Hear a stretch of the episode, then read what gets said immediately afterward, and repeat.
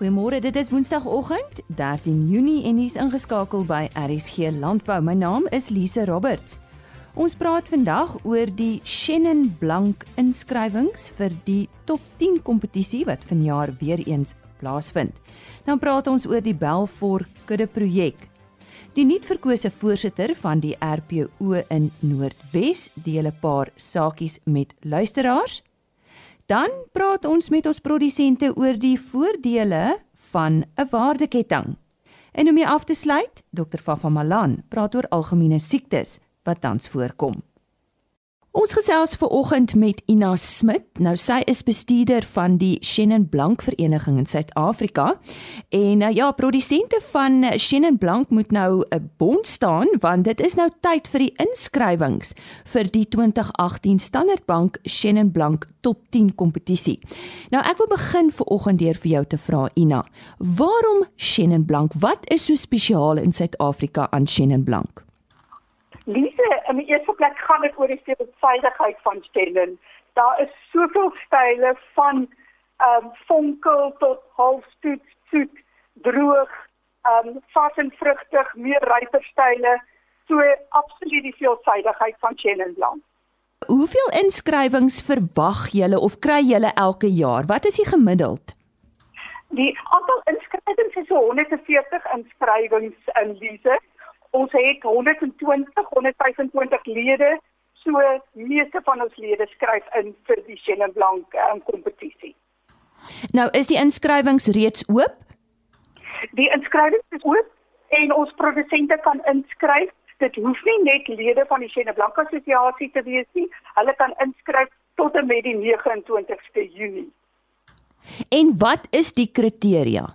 Ehm um, die kriteria is droë ehm um, Chenin wyne tot en met 'n ressyfer van 12 gram. En uh, julle het natuurlik 'n groep of 'n uh, beoordelaars, vertel ons bietjie van hulle? Ja, ons ons is wonderlik uh dat ons regtig 'n baie sterk span beoordelaars het hierdie jaar. Ehm um, dit is onder die voorsitterskap van Cassie van Sail. Sy is 'n wynmeester en ook 'n mede-redakteur van die Platters ehm um, Suid-Afrikaanse wyngids. En wanneer vind hierdie beoordeling plaas? Die beoordeling is vroeg Julie, 3 tot 5 Julie en dit vind by die Lavenier ehm um, wynplaas plaas. En hoe kort daarna word die uh, wenners aangewys want daar is natuurlik top 10, né? Daar gaan 10 wenners wees. Dit is top 10. Ehm um, en dit word einde Augustus ehm um, uh, aangekondig. Wat wen hierdie mense uh, Ina? Dit is die kompetisie is uniek in die sin dat die wenprys nie direk aan die ehm um, wynmaker gaan nie, maar die ehm um, kontantprys van 25000 die voorwaarde daarvan is dat die geld aangewend gaan word vir 'n 'n volhoubare gemeenskapsprojek ten bate van die plaaswerkers van die wen ehm um, um, plaaste. Tot op hede, hoeveel het julle nou al ehm um, ingesamel? Hoeveel hoeveel het julle nou al kon insamel vir sulke opheffings uh, programme? Kompetisies in 2014 gehou en tot en met uh, einde 2017 is 'n uh, totale wonderlike bedrag van 850 000 um uh, geskenk deur ons Standard Bank Suid-Afrika wat vir hierdie programme aangewend is.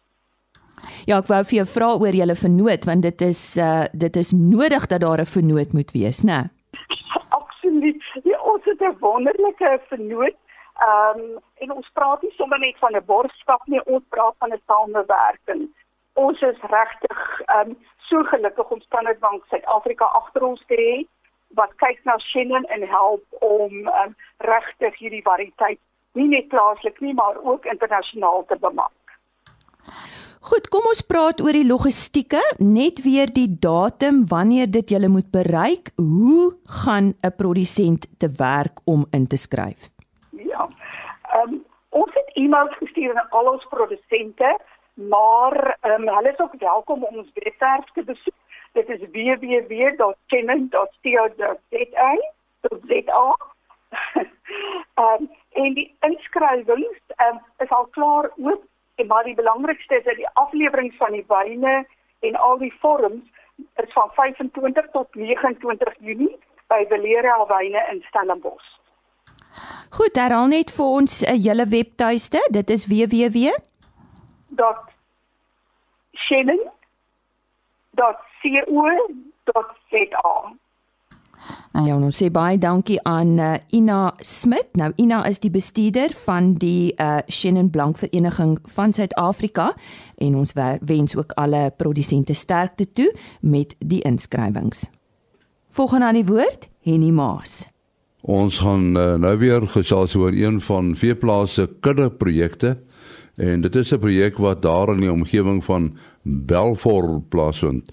Ons praat met Stefan Silje wat 'n boer is in daai omgewing.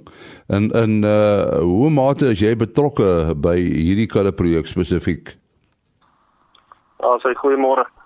Man ek het uh betrokke geraak by die hierdie projek as 'n boer en 'n en 'n ouer van die skool. Ek het uh, drie seuns in die in die skool in Belfort.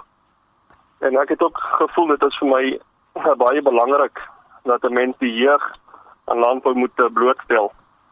En ek so 'n jong mens wat uh, belangstel in landbou en voedselproduksie maak die die regte keuse. Daar's groot geleenthede in landbou. Dis maar hoe ek uh, betrokke geraak het om die skool te help in die projek. En vir watter beeste praat ons hier?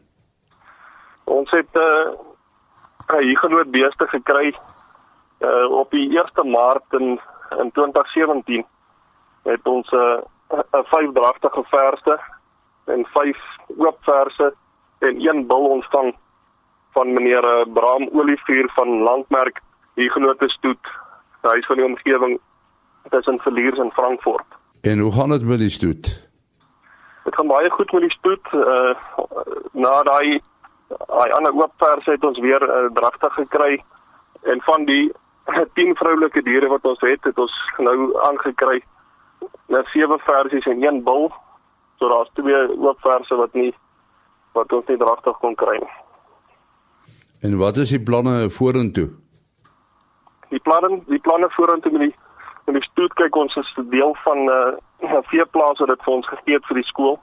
So na na na jaar 5 dan uh, gaan die skool aan met daai met daai beeste wat hulle ontvang het. Dan het uh, daai daai beeste wat veeplaas aan vir ons skool gegee het gaan na 'n ander ander skool toe en dan die aandeel wat ons gehad het oor die 5 jaar gaan die skool dan aan met met sy eie stoet. En en hoe reageer die kinders op hierdie projek? Hulle hulle is baie positief want wat die stoete uh, veral baie besonders maak is dat dit laat dit saamval met die ontwikkeling van die landbouonderrig by die by die skool. Want ons het uh, ruk gelede reeds by die jeugskou betrokke geraak maar gesien dat daar werklike behoefte aan landbouonderrig in ons gemeenskap is. Toe is die dit was die moontlikheid geondersoek en die eerste groep uh, leerders het van die begin van die jaar af landbouwetenskap as, as vak gevat by die skool. En uh, ons weet daar's 'n groot toekoms aan landbou en ons wil in staat wees om ons leerders uit die gemeenskap landbouonderrig te gee. Sodat hulle na 'n skool na skool buite die gemeenskap laat hulle nie na 'n uh, skool buite die gemeenskap ho hoef te gaan nie. Laat hulle nie laat, laat hulle uit hulle ouer huise skool gaan. En ek dink dat die inbring van die vak in die in die stoet in die skool het dus definitief 'n positiewe impak in die skool en die om uh, omgewing in die gemeenskap. En ons sê baie dankie aan Stefan Silje wat uh, betrokke is by die uh, kinderprojek daar by die skool op Belfort. Dankie Henny en hy gesels later in die program met dokter Vafa Malan oor siektes. Ons medewerker Marike Brits het die RPO Noordwes Kongres bygewoon en daar met die nuutverkose voorsitter gesels. Uh, ons staan hier by Senwes se gebou in Klerksdorp. Um, ek staan by Sakkie van Seilhuis pas herverkies as die voorsitter van die Noordwes Rooi Vleisprodusente Organisasie. Ehm um, Sakkie, wat is van die belangrike goed wat jy vandag hierso gesê het in jou voorsittersverslag? Ek dink in ten opsigte van ons werksaamhede van die uh NWRPO, ehm um, is die aksies wat ons neem ten opsigte van diere gesondheid. Ons weet in Noordwes is 'n brandpunt uh die brucellose ehm um, en al die aksies wat ons daaromtrent geneem het uh om die brucellose uh, probleem in Noordwes aan te spreek, saam met die dieregesondheid aspek wat tans baie uh 'n groot probleem vir ons is, is die grensheininge tussen Noordwes of Suid-Afrika en Botswana waar ons probleme ervaar en dan die risiko vir altyd in opsigte van diere gesondheid. Ehm um, wat die afwesigheid van die grensheining uh, daar veroorsaak. Dis goeders wat ons die afgelope ruk aangespreek het. Ehm um, ons het gevalle van hondsdolheid die afgelope jaar in Noordwes ervaar en het ons ook 'n beroep dan gedoen vandag op produsente wat sanne hulle sulke uh uitbrake uh ervaar, moet hulle dit onmiddellik aanmeld. Tweede belangrike aspek is die probleem wat ons het met vee diefstal. Dit veroorsaak groot frustrasies onder rooi vleisprodusente in Noordwes en ons het terugvoering aan die produsente gegee wat die NWRPO doen ten opsigte van 'n uh, vee diefstal en ons het 'n beroep op ons produsente genoem om te sorg dat die sogenaamde vee diefstal inligtingseentrum na behore in elke gebied uh, funksioneer en uh, dat veral diere duidelik en korrek gemerk is. Dit sluit brandmerke in asook tatoeëring Okay, en jy het ook oor voedselveiligheid gepraat en Gerard Deetler van die Rooi Vleis Abattoir Vereniging was hier so um, 'n paar gedagtes daar rondom. Ek dink net wat vir ons belangrik was uit dokter Neetling uh, uh, se voorlegging was dat in geheel gesien is die rooi vleiswaardeketting redelik gerad uh om te voldoen aan die voedselveiligheidswetgewing in Suid-Afrika. Ja, daar's hier en daar 'n gaping wat aandag nodig het, maar die bedryf in geheel, die hele waardeketting, ehm um, is oor die algemeen goed geplaas om te voorsien in die verbruiker se behoefte van veilige vleis wat aan die nodige standaarde voldoen. En van die ander kwessies wat bespreek is deur van die sprekers. Ons het vanmôre geopen met 'n spreker, um, mevrou Nicola Weimer van sy 'n senior ekonom uh van Netbank. Sy het vir ons 'n ekonomiese oorsig gegee. Dit was vir ons baie duidelik dat daar 'n oplewing in verbruikersvertroue die afgelope ruk was grootliks as gevolg van die verkiesing van Cyril Ramaphosa. Ons hoop egter dat ehm um, die aksies wat hy neem voldoende groei in Suid-Afrika sal aanwakker want rooi vleisverbruik is tot 'n groot mate gekorreleer aan die ekonomiese groei en dit is vir ons baie belangrik dat die verbruiker ekstra geld in die sak kan hê om meer rooi vleis te kan verbruik. Die tweede spreker is 'n uh, mevrou Marina Bester. Sy was van Skaapvleis Suid-Afrika. Sy het 'n bietjie met ons kom inligting deel ten opsigte van die uh verbruiker uh en die verbruiker se behoeftes en hoe word bemarking gedoen aan die verbruiker wat tans die ver, uh ons die afnemers van ons produkte is. En dan ten laaste vanmiddag 'n uh, voorlegging deur meneer Koos van der Reis, die nasionale RPO voorsitter. Hy gaan dan vir ons die werksamehede van die nasionale RPO en pertinent die ehm um, strategiese plan en die doelwitte wat ons as organisasie vir onsself gestel het ehm uh, met die kongres uh aan die kongres voorlê. En om af te sluit net 'n boodskap aan mede-produsente. Ek dink ons op die stadium is die rooi vleis ehm uh, bedryf op 'n goeie plek. Ehm um, dit gaan heelwat beter as 'n paar jaar terug, veral kort na die droogte. Vleispryse is relatief sterk. En uh ek dink die bedryf is gesond in geheel. Ehm um, maar ja, ons, wat die politiek betref, is dit bekommerenswaardig. Ehm um, al die uitsprake wat ge gemaak word, maar ons glo deur te fokus op dit wat ons as produsente die beste doen, sal ons deur die onstuimige tyd kom en sal ons die die geleenthede wat kan opduik na behore kan benut. Baie dankie. Marike Brits daar in gesprek met Sakkie van Sail, die voorsitter van die RPO in Noordwes. Ons almal is deel van 'n waardeketting op een of ander manier. Dit mag wees dat uh, ons as produsent, verbruikers, prosesseerders, handelaars of as finansierders by produk of diens betrokke is. Nog meer uit te vind oor waardeketings en die voordele wat produsente kan realiseer deur hulle waardeketting te verstaan. Gesels ons nou met VA Lombard. Hy is verbonde aan die departement landbou-ekonomie aan die Universiteit van die Vrystaat. VA, hoe sou mens 'n waardeketting kan beskryf?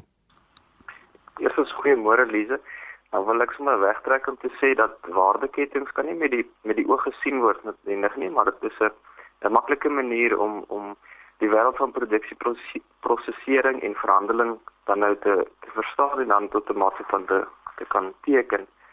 Nou waardeketting is maar 'n samestelling van aktiwiteite wat wat maar plaasvind om 'n produk te te ontwerp, te produseer of 'n diens te onderlewer of selfs 'n produk te, te ondersteun.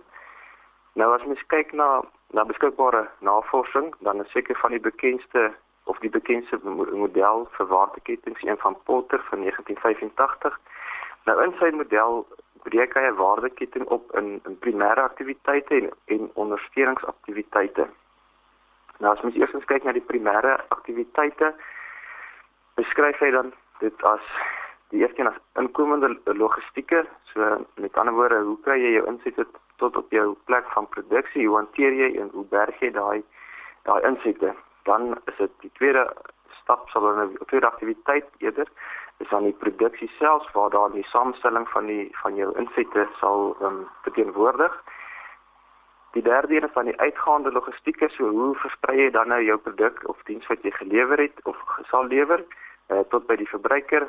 Die bemark bemarking en verkoop het dan te maak met die ehm um, manier hoe die die koper die geleentheid gebied sal word om jou produk te koop en ook hoe hulle dan nou aangemoedig word om jou produkte te koop. Met ander woorde daai bietjie van advertensie wat jy die idee skep van jou produk se waarde by die verbruiker dan diens is dan nou is uh, te maak met die ehm um, hoe jy waarde aan die, die kliënt bied en sluit onder andere onder andere aktiwiteite in soos installasie, herstel en opleiding so basies die die after sale service as dit hulle my iemand sal vergewe.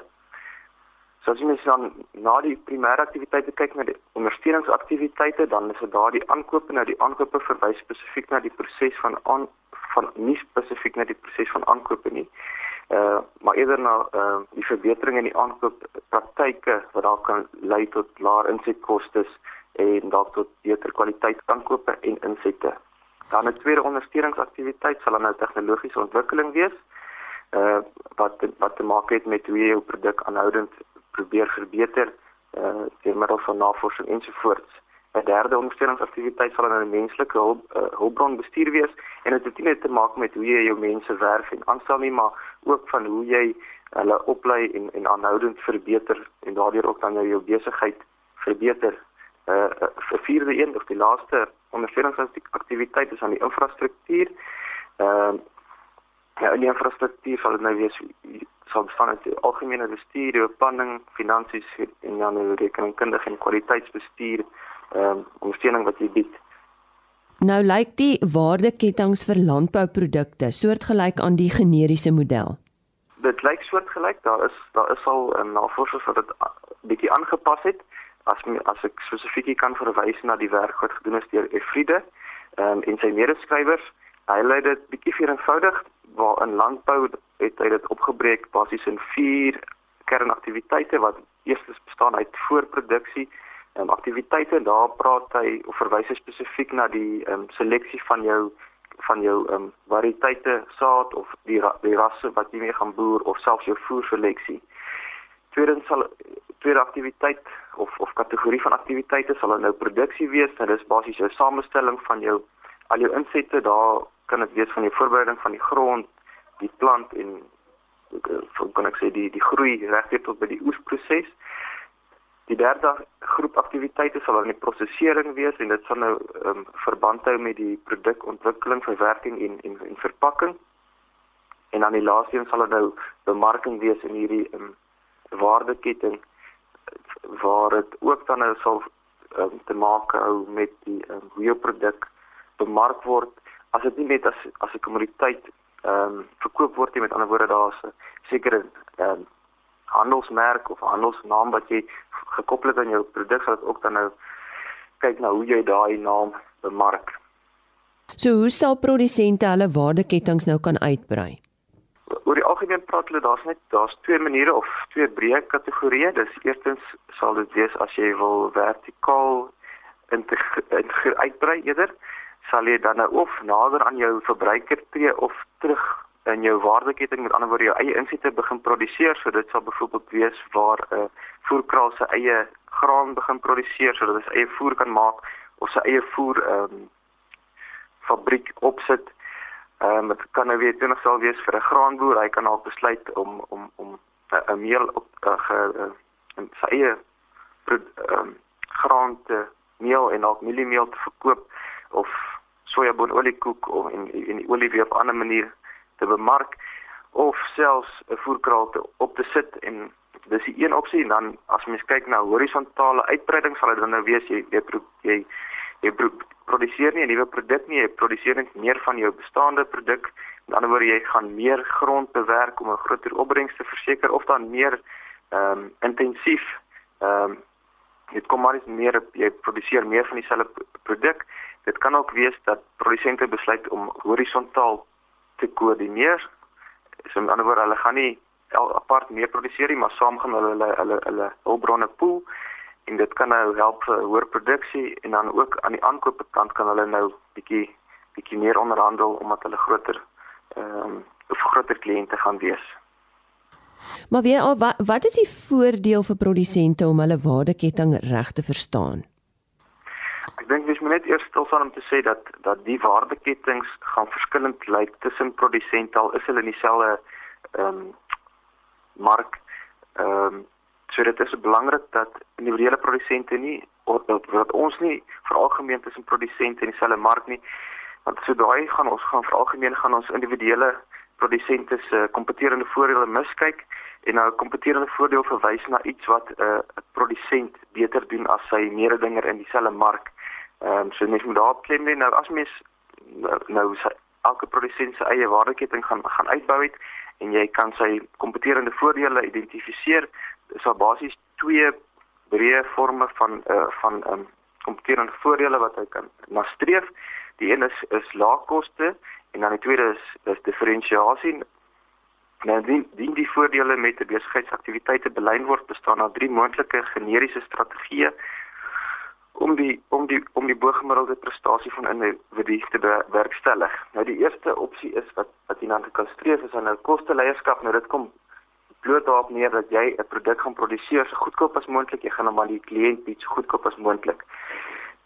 Dit die die tweede opsie is dan 'n diferensiasie. Nou daar in plaas van net om 'n produk so goedkoop as moontlik te produseer, probeer jy iets iets uniek ehm um, aan jou kliënt bied. So in plaas van byvoorbeeld 'n uh, uh, uh, net baie goedkoop jogurt of of teen 'n laagkoste jogurt te produseer, probeer jy 'n produk ehm um, lewer of bied wat meer waarde vir die vir die kliënt sal hê en daar kan dit byvoorbeeld wees soos jy gaan regte vrugte insit of jy gaan 'n volroom ehm um, jogurt bied vir jou vir jou kliënte. Dan die, die laaste is 'n fokusstrat uh, strategie nou hy ding nie direk meer op op die op die vlakke van die van die eerste twee nie. Dit is waar jy um, 'n nismark gaan identifiseer so so daardeur haal jy jouself uit die groter mark uit. Jy jy het jou teikenmark en jy gaan spesifiek ehm um, kyk vir wat hulle behoeftes is. So daar sal dit wees dat jy gaan byvoorbeeld net organiese vrugte in jou laktosevrye jogurt ehm um, gebruik en daardeur sal jy dan ook 'n premie kan verdien mits die mark dit nou sien as 'n as 'n as 'n produk van hoër waarde Ons sê baie dankie aan Via Lombard. Hy is verbonde aan die Departement Landbou-ekonomie Universiteit van die Vrystaat en hy het met ons gesels oor eh, die voordele van 'n waardeketting en om dit ook goed te verstaan. Soos beloof, Henny Maas wat nou gesels met Dr. Fafa Malan. Ons gesels nou weer met uh, die bekende Dr. Fafa Malan uh oor die uh die siektes uh, vir uh, hierdie tyd van die jaar en hoe lyk die siektes wat die afgelope maand uitgebreek het. Fafa, hoe lyk dit? En dit is nou die oorgangstyd van die warm tyd tot die koue tyd. So wat het gebeur? Ons het nog 'n groot klomp uitbreuke gehad van insekoorgedraagde siektes, knopveld siekte, blou tong, uh, drie dae stywe siekte en dan selfs parasiete. So wat ek eintlik wil sê is dit is 'n aanduiding dat mense nie diere gereeld ingeënt het nie. Nou veral hierdie blou tong wat 'n mens drie inspuitings moet gee. Dit lyk net vir my of boere nalat om dit ordentlik te doen. Ons het nou 'n breek as dit nou begin ry dat hierdie insekte nou 'n bietjie gaan afneem. Maar dit is eintlik 'n wekroep dat ons beter moet beplan want hier is baie water, baie panne. As ek so afry Bloemfontein se kant toe in die Vrystaat, So ek voorstel ons gaan volgende jaar net meer probleme hê. Natuurlik is link daar koers wat ons ook van gehoor het. Ons gaan nou ook ons diere weer in die vleie sit en so ons gaan maar kyk na die lewerslak en bevormige slak. Dinge kan vorentoe net bietjie vererger, so wees gewaarsku daarvoor. En natuurlik nou die bosluise. Daar was regtig wel 'n voorkoms van al blou bosluise. daarmee saam Asiatiese rooi water. Ons moet nie sê dit gaan nie nou dat dit bietjie kouer geword het, ons gaan nie uitbreke kry nie. Onthou net Asiatiese rooi water in die oggend is die bees gesond vanaand bly vry. So asseblief kyk maar mooi en dan moet ons ook kyk watter middels werk nog teen hierdie bosluise want hulle is baie weerstandig. En dan het ons ook dan natuurlik ehm um, die knopvel siekte wat in die winter kan voorkom want blou bosluise en ander bosluise dra ook hierdie siekte oor. En dan natuurlik bosluisgaal siekte. Ek dink dis 'n totaal onderskatte siekte. Diere stres kry. Veral na kalwing. Hulle word goudgeel en dan kan hulle vrek. Uh ons moet nou ook begin uitkyk is die veld afneem of jag hulle dalk aan afgeoester lande en oppas vir tot oppas vir tot hy vang vir jou vir al jou jong diere diere wat jy ingekoop het. En dan die geslagsiektes, ek kyk hier na trichomonas, ons kry net nie hierdie siekte onder beheer nie. En ons moet ons binne laat toets. Ons moet dragtigheid doen en kyk of ons koeie gevat het. En dan die, al hierdie bakterieële siektes, hierdie cryptosporidose 'n reuse probleem nog. Dit wat saam met E. coli diarree en kalvers en lammers veroorsaak. Praat met jou veearts. Goeie higiëne, biosekuriteit. Dit is absoluut 'n doodmaak. Ja, siektes wat hierdie twee kombinasie voorkom natuurlik ons clostridiale siektes gereeld inent of kyk daarna. En dan die laaste ek bly maar daarby brucellose vra vir jouself hoe kan brucellose op my plaas kom? Werk dit mooi uit. Inkoop van diere nie inent nie. Hekke wat oop lê. Diere wat oor drade spring. Water kan dit afspoel na my plaas toe aborsies. Werk dit uit en doen dan hierdie teenoorgestel. Kyk na die webblad van die Nasionale Dieregesondheidsforum. Alles staan daar. www.nahf.co.za. Lekker boer. Ons sê dankie aan dokter Fafa Malan. Dis dan fluit fluit ons stories uit vir vandag. RSG Landbou is 'n produksie van Plaas Media. Produksieregisseur Henny Maas. Aanbieding Lisa Roberts. En inhoudskoördineerder Jolandi Root.